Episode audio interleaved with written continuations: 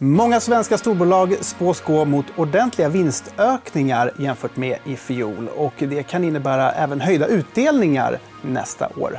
Men eh, vilka utdelningsaktier ska man egentligen välja om man tittar framåt? Det ska vi prata om i dagens EFN Marknad. Välkomna. Vi ska också säga välkommen till dagens gäster. Det är Jonas Olavi, allokeringschef på Alfcot och Lasse Lundgren, förvaltare på Aktieansvar. Välkomna hit. Tackar. Tack, tack. Ja, hörni, idag ska vi blicka lite framåt och titta på köpvärda utdelningsbolag inför nästa år. Eh, rapportsäsongen för det tredje kvartalet har ju smugit igång redan. Eh, hur ser det ut för de svenska storbolagen generellt? Ja, det är väl ganska starkt. Det tror jag vi kan vara överens om. Ser, vi har på något sätt gått och väntat på en lågkonjunktur som egentligen inte har hänt. Utan tvärtom har marginalerna varit rekordstarka. Så det lär ju bli ganska bra resultat om jag bara får gissa. Mm. Ja, men jag håller med. Det kommer att vara bra rapportering. Men det marknaden kommer att gå på det är ju eh, framtidsutsikterna. Så levererar man inte utsiktshöjningar så kan man ändå drabbas negativt på börsen trots att man då kanske slår förväntningarna i reda siffror. Då. Ja. Så det blir väldigt spännande. Det var lite den tendensen under senaste kvartalet. faktiskt. Men hur kommer det sig att så många svenska storbolag liksom går så pass bra nu jämfört med i fjol? Ja, men mycket handlar ju om eh, att leveransstörningarna har försvunnit. Du kan ju leverera datachip till dina lastbilar och få ut dem på marknaden. Så att det har varit en liten ketchup-effekt eh, som de har gynnats av. Sen I Sverige så har vi storbanker som dominerar eh, mycket av platsen i index. Och de ser vi ju går väldigt bra i den här räntemiljön. Samtidigt som vi inte har fått en ordentlig lågkonjunktur på halsen. Det vill säga folk betalar fortfarande sina lån och så vidare. Mm. Ja, vi har ju, insatspriserna har ju fallit enormt egentligen för bolagen. Och den här gången så har de varit väldigt snabba med prisökningar. Vi har sett enorma prisökningar de sista två åren. Så man håller kvar. Och så, ja, prisökningar möter lägre insats, insatspriser här. Så mm. Det blir ett bra resultat. Just det. Och ökade vinster blir också ökade utdelningar nästa år i reda kronor. Förhoppningsvis. Ja, det är många som kommer att ha det, antar jag. Ja, absolut. Det är, jag tror inte det är så många som kommer att darra på manschetten nu. Utan det blir ju först när vi verkligen ser om det blir en ordentlig recession. Men om vi ser det, då kommer eh, centralbankspolitikerna och de folkvalda också se det. Så då kommer Riksbanken och eh, regeringen hjälpa till. Mm. Och det är många bolag och sektorer som egentligen inte har belånat sig speciellt högt. utan Man ligger med nettokassor i vissa fall. Så att... mm pengarna måste ut på något sätt nästan. Just det. Ska vi ta och titta på några eh, exempel här då som eh, bolag helt enkelt som spås höja utdelningen rejält i kronor ska vi säga nästa år. Det är kasinobolaget Evolution, klimathanteringsbolaget Munters, eh, värmeteknikbolaget Nibe och lastbilskoncernen Traton. Men mycket talar ju även för att de fyra svenska storbankerna kommer med ordentliga utdelningar under 2024. Vad säger ni om de här bolagen? Jag skulle säga att andelen, utdelningsandelen är inte jättehög i några av de här bolagen även om de kanske höjer från eh, förra året. Jag tänker på Munters Nibe eftersom kurserna är så pass uppdrivna. Då. Ehm, Traton och Evolution lite, andra, eh, lite en annan verksamhet. Då. Bankerna som sagt, de kommer att leverera fint här. De ska ut med vinsterna till aktieägarna helt enkelt som tack för lånet för att de får lov att fortsätta existera såklart. Eh, så att det, jag tycker det ser bra ut, men eh, min devis man ska välja bolag som man gillar och så helst ska man återinvestera utdelningarna. För pengarna som då på börsen de ska ju fortsätta jobba på börsen. Då. Just det. Och vi ska kolla på några eh, bolag som ni gillar också alldeles strax. här. Eh, men Lasse, vad säger du om de här? Ja, men det är precis som vi sa. här. Bankerna har ju enormt mycket pengar. De har ju sparat egentligen i flera, flera år och kraven har höjts allt eftersom. Och, eh, det har varit lite olika saker. Det har varit covid, det har varit kriget. Nu är det någon form av fastighetskris som alla pratar om som egentligen inte syns. Så att man har i princip nått taket för hur mycket pengar man kan ha. Även banken, konstigt nog. Så att de här pengarna måste ju gå ut. Det drabbar ju också nyckeltalen när man har för mycket pengar alltså på balansräkningen. Man får ju lägre avkastning på kapital helt enkelt. Mm. Även verkstadsjättar som Alfa Laval, Epiroc, Atlas Copco och Sandvik har haft fin vinst hittills i år och kan därmed också dela ut en hel del pengar nästa år. Så är det. Och, eh, det här är ju en grupp bolag vars verksamheter har klarat sig väldigt bra. Senaste rapporteringen från jag tar ett i, ett i raden här. Då. Sandvik eh, pratar ju fortfarande om en god konjunktur för deras verksamheter. Och det har de övriga också gjort. Atlas eh, har väl ett av fyra affärsområden som, där man har tillfälligt lite lägre efterfrågan. Men det är sånt som marknaden ser igenom. Då. Så att, eh, det här är ju stabila utdelare som verkligen, om det verkligen, verkligen krisar skulle kanske kunna överväga att liksom lämna samma eller till och med lite lägre. Men det ses ju som en defensiv åtgärd och inte något som aktiemarknaden gillar när man då sänker om man då, eh, som marknaden då bedömer inte behöver göra det. Mm. Sen är det så också, vi har ju sett en stor lager uppbyggnad inför pandemin, kriget och allt det här som nu håller på att avvecklas. Vilket, och en lageravveckling leder alltid till bra kassaflöden vilket kommer att gynna de här bolagen också naturligtvis. Mm. Och utdelningsmöjligheterna. Mm. Men eh, det är en sak att eh, investera i de bolag som eh, ja, man tror kommer att ha högst utdelning nästa år. För sånt kan ju, som du var inne på, Jonas, påverkas av extrautdelningar då, eller att aktiekursen sjunker så pass mycket att direktavkastningen helt enkelt blir väldigt hög. Eh, men det är en annan sak då att investera i bolag som man faktiskt tror på för det kommande året. Och eh, kanske lite mer långsiktigt eh, även, vilket också är mer intressant för en utdelningsinvesterare. till exempel. Och vi har därför bett er plocka fram fem stycken utdelningsaktier vardera som ni tror på inför nästa år. Vi kan börja med Lasses lista här. Hur har du tänkt? Eh, ja, jag hade tänkt så att jag, det är en generös tolkning av storbolag. här. Ska jag, säga. jag tittade på eh, Stockholm Benchmark Index och tog det som någon form av mått för hur stora bolagen får vara. Och sen så måste man dela ut åtminstone 4,5% Det var lite så jag tänkte. Och att utdelningen på något sätt ska vara eh, hållbar och inte någon form av engångsutdelning. faktiskt. Det var så jag tänkte när jag tittade på det och valde ut det här. Mm. Eh, vi kan väl ta och zooma in på några av bolagen och titta lite närmare. Då. Eh, låt oss börja med Afry. Eh, Absolut. Vad är det för bolag och varför har du valt dem? Afry är ju konsultbolaget. Mm. Gamla eh, Ångpanneföreningen, ÅF, som det fortfarande heter när man nästan tänker på det. Eh, de, har haft, de har inte fått någon större kärlek av vare sig marknaden eller analytiker på slutet. Eh, det är, ett, det är en teknisk konsult helt enkelt som jobbar inom en mängd olika områden på pappret så borde man ju tjäna väldigt mycket på den här gröna omställningen, investeringsprogram i Sverige. Och affären är ju väldigt bra. Men de har haft problem med marginalutvecklingen de sista åren. Och det är framför allt affärsområdet infrastructure. Då. Deras mål totalt sett för, eh, för hela koncernen är 10 ebitda-marginal. Man ligger strax under 8 nu. Marknaden trodde väl i Q1-rapporten att den skulle komma tillbaka, men det var inte så. Eh, utan det såg vi i Q2-rapporten. Nu har den kommit ner. Jag tror att det finns potential här. Den här handlas ju på P10. Mm. Trots att vi har, om man tycker då, nedpressade vinster. Skulle man nå 10% marginal så är det betydligt billigare. Då. Vad pratar vi för direktavkastning nästa år? Ungefär, uh, ungefär 4,8% Det kan bli högre då. Men som sagt, aktien är väldigt nedpressad nu. och Man delar fortfarande inte ut liksom, mer än man kan dela ut. Man kommer att tjäna kanske där tvistar de lärde, men 10-12 kronor kanske. Mm. Och dela ut 5-6 kronor. Och den kan höjas framöver. Så att, det är det här läget. Jag tycker att den har fått egentligen för mycket stryk. helt enkelt. Så att den borde komma tillbaka till någon lite högre nivå. Mm. Eh, vi går vidare. Eh, du har valt Handelsbanken. Vad tror du att de kan dela ut nästa år? Vi var inne på banken här nyss. Men... Absolut. Handelsbanken delade ut 8 kronor förra året. Mm. Man skulle kunna dela ut mycket, mycket mer, som vi kommer att se på alla banker. Eh, alla svenska banker kan egentligen dela ut väldigt mycket pengar. Och hela poängen här är att bankerna har redan tillräckligt mycket kapital, till och med mer än, än vad man ska ha och mer än vad myndigheterna kräver. naturligtvis. Så att man skulle kunna dela ut 100% av vinsten. Mm. Nu gör man ju inte det. Att jag har valt Handelsbanken just det för att den värderas lägst på Pricebook under eget kapital, 0,9 ungefär. Och det beror på att marknaden har varit rädd för fastighetsexponeringen som jag tror är överdriven. Jag tror att det här kommer med tiden visa sig att det inte blev så stora kreditförluster här i alla fall. Och då är det här ett bra läge för just Handelsbanken. Mm. Vad säger du, Jonas? Ja, jag har en annan favoritbank, men eh, jag mm, köper delvis eh, argumentet också. Så att, eh, och jag menar, egentligen kan man välja vilken som helst och eh, skalpa ut delning för att de levererar ju väldigt generöst då, jämfört med börssnittet. Då. Just det. Mm. Ja, Lasse, du valde ju faktiskt en till bank, nätmäklaren Nordnet. Absolut. Och det var väl lite för att inte bara välja de svenska storbankerna. Mm. utan Man får göra en barbel här mellan den lägst värderade och de som är lite högre värderade. Kanske då. Men samma sak gäller lite grann här. Då, att att många av de här finansiella instituten, framförallt Nordnet, Avanza och bankerna, de har ju tillräckligt med kapital i sin verksamhet. Eh, alla, de uppfyller alla regulatoriska krav, så att de behöver inte samla på sig mer.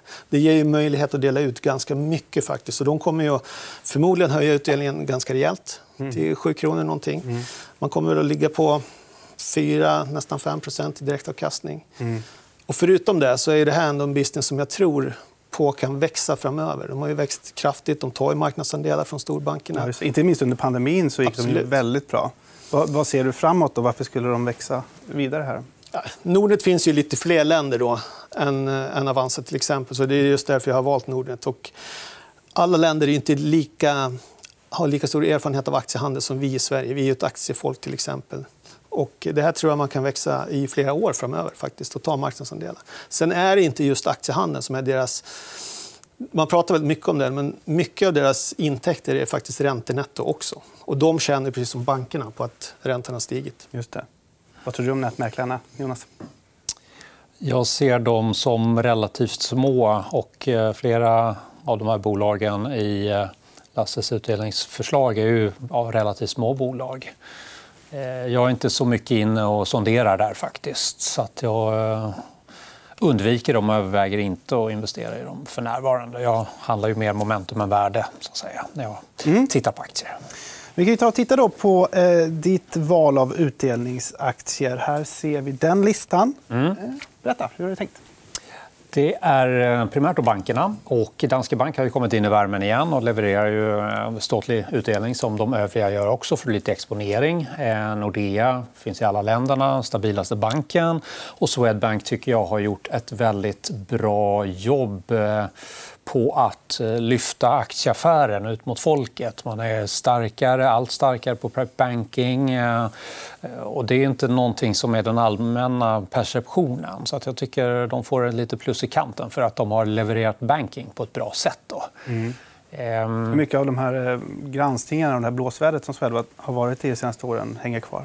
Ja, men det är bara ut också. Och, eh, det verkar inte som om det blir så mycket värre än så här. Då, så att de seglar igenom och ut ur det här. Då. Så det är ju gamla synder som både Danske Bank och Swedbank har eh, kanske inte gjort så bra eh, tidigare men det har de lagt bakom sig, får vi verkligen hoppas. Då. Mm. Telenor och eh, Volvo. Telenor ja, en av de eh, operatörer som jag tror kan leverera stabilast eh, utveckling. Jag är inte speciellt attraherad av Telia utan ser Telenor med sin väsentligt större eh, bas av kunder. De har ju även verksamhet i utvecklingsländerna förutom Norden. Då, mm. och har väl ja, en bra bit över 150 miljoner abonnenter. Det är en helt annan dimension än till exempel då Telia.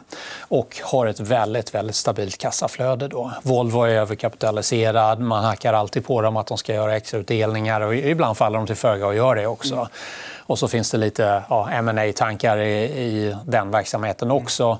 Förvisso då en cyklisk verksamhet, men jag tänkte de här eh, bolagen är valda för att jag bedömer att de har lite lägre risk kontra många av de lite mindre bolagen som är känsligare för ett högre ränteläge. Mm. För Volvo skulle det vara positivt då, eftersom de har nettokassa. kan de placera det på banken och få lite extra betalt. Då. Just det. Ska vi ta och zooma in lite på några... Du har varit inne på dem redan. här. Men vi kollar på Nordea här till att börja med. Mm.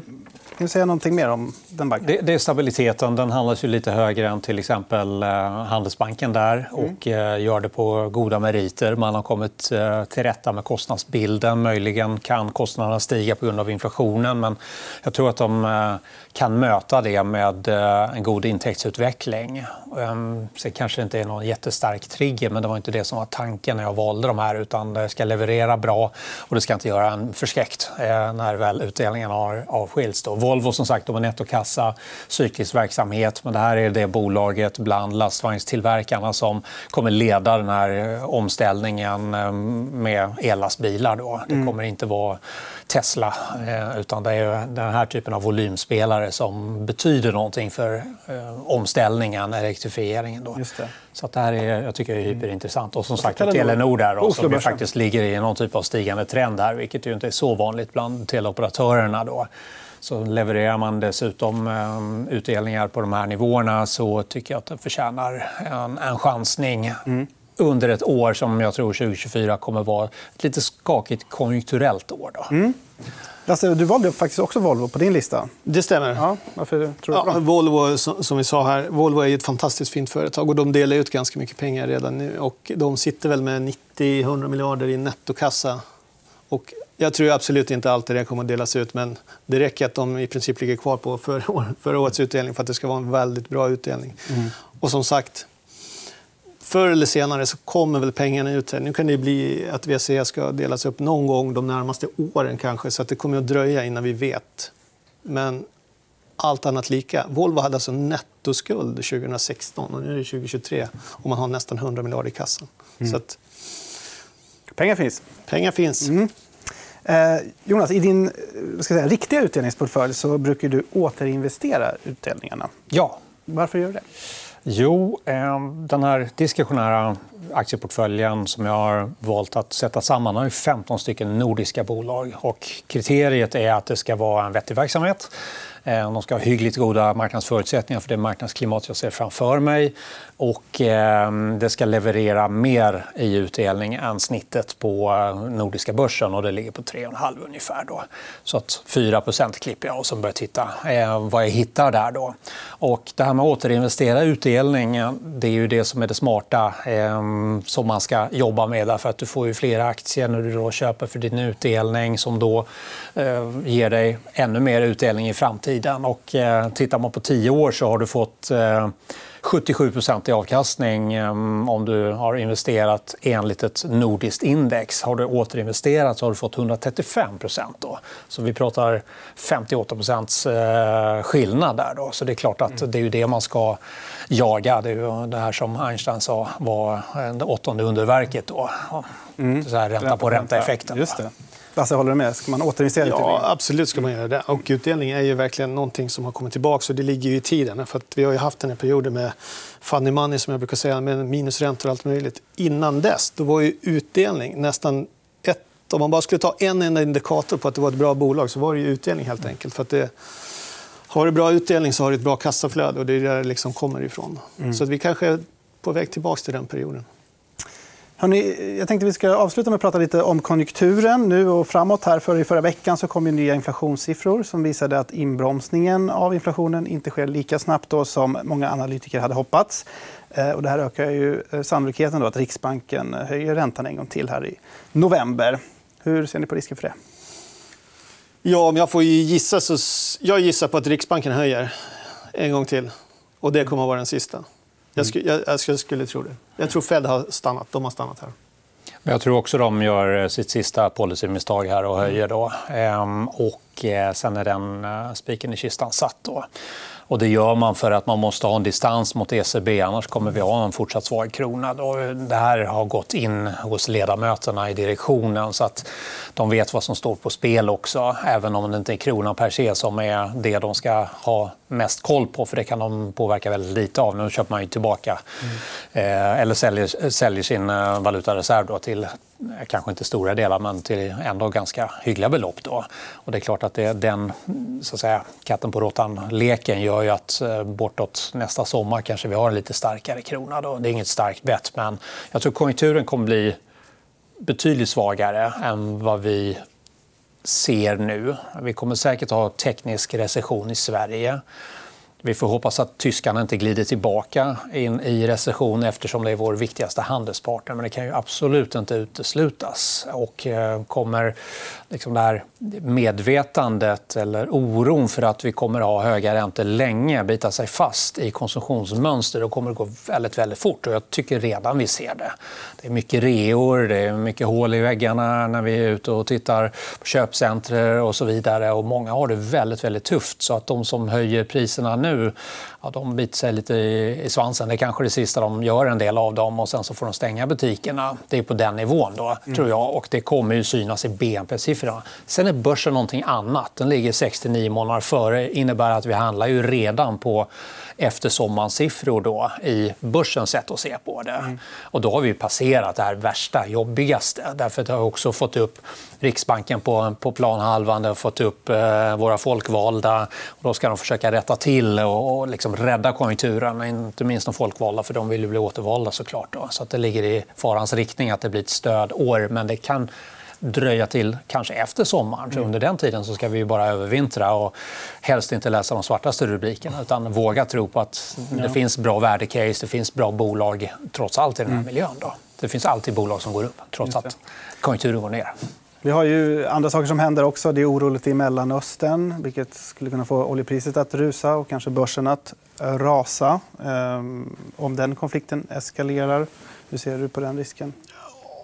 Ja, kan krisen eskalera? Absolut. Kommer oljepriset att rusa? Inte som det ser ut just nu. Skulle Iran dras in i konflikten så kommer oljepriset att rusa. Och det kommer naturligtvis att betyda en del. Men jag tror att Alltså den effekt du får på, på KPI här, att, att energipriserna skulle dra upp inflationen, det kommer man helt att strunta i en sån situation. Alltså det, det kommer inte att spela någon roll, utan Fed har höjt klart. Så att säga. Och jag mm. tror att det här var spiken i kistan egentligen. Mm. faktiskt. Så att, Ja, man ska vara orolig om Iran dras in i konflikten av många skäl. Ska jag säga. Och, eh, det är klart att eh, en olja på 120-130 kommer inte att vara jättebra på kort sikt för börsen. Så är, så är det ju. Nej. Och om man tittar då på konjunkturläget, hur mycket kommer det att påverka utdelningsviljan just då, eh, under nästa år? Ja, jag tror, i, I så fall måste alltså, utdelningen kommer att sättas i, i Q4-rapporterna. Så det blir i slutet på januari, början på februari. Sen ska det då hända nåt jättestort innan man delar ut om man skulle dra tillbaka något sånt. Det ser jag inte. Alltså, då skulle det krävas en väldigt stor händelse. Och absolut, det kan ju ske. Va? Det, det skedde ju i pandemin, höll jag på att säga. Men nej. Jag, jag, osannolikt, tror du i alla fall? Att det är osannolikt? Jag tror inte man drar tillbaka länder och utdelning på grund av konjunkturen som sådan. Då ska det ske någon större grej. Mm.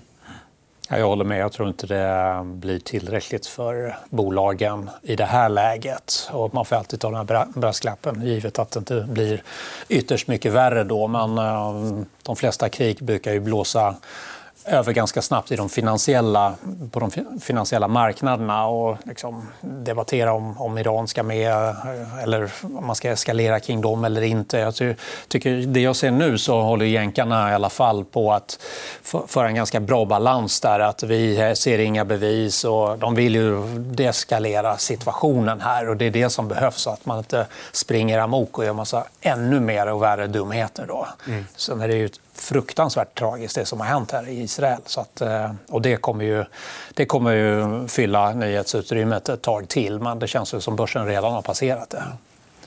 Tyvärr. Hörrni, det var allt vi hann med idag. faktiskt. Men eh, tusen tack för att ni kom hit. Tackar.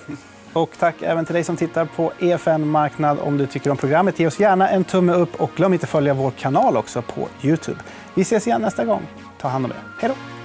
Du har lyssnat på EFN Marknad, en podd som produceras av EFN Ekonomikanalen. Du hittar programmet även i videoformat på Youtube och på efn.se. Kom ihåg att prenumerera på podden och följ oss gärna på Instagram för fler aktietips. Där heter vi EFN Aktiekoll. Ansvarig utgivare är Anna Fagerström.